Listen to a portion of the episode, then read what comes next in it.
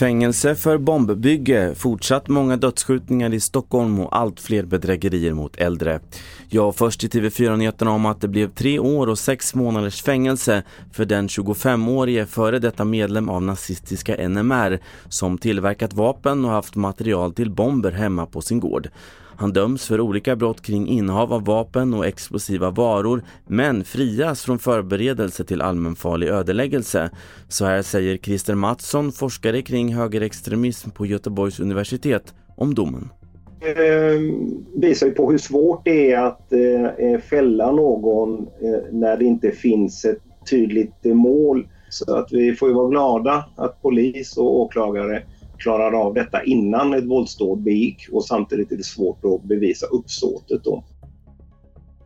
Det ser ut att bli ännu ett dystert år i Stockholm när det gäller personer som dör i samband med skjutningar. Hittills i år har 16 personer dött jämfört med 23 för hela förra året. Det är också en del av en ökande trend där våldet dessutom blir allt mer kallblodigt. Det säger Mats Löving som är regionpolischef i Stockholm och vi vill varna känsliga lyssnare. Det är skjutningar som inte längre är av någon slags varningskaraktär utan mer avrättningslika.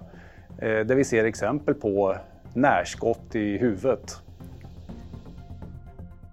Sist om att bedrägerier mot äldre har ökat kraftigt de senaste åren och nu uppmanar polisen närstående att prata med sina äldre anhöriga för att få dem att bli mer vaksamma. Bedrägerimetoderna blir också ständigt mer avancerade och det är de allra äldsta och sköraste som bedragarna riktar in sig på. Vi hör Kurre Hansson som är PRO-ordförande i Stockholm om konsekvenserna.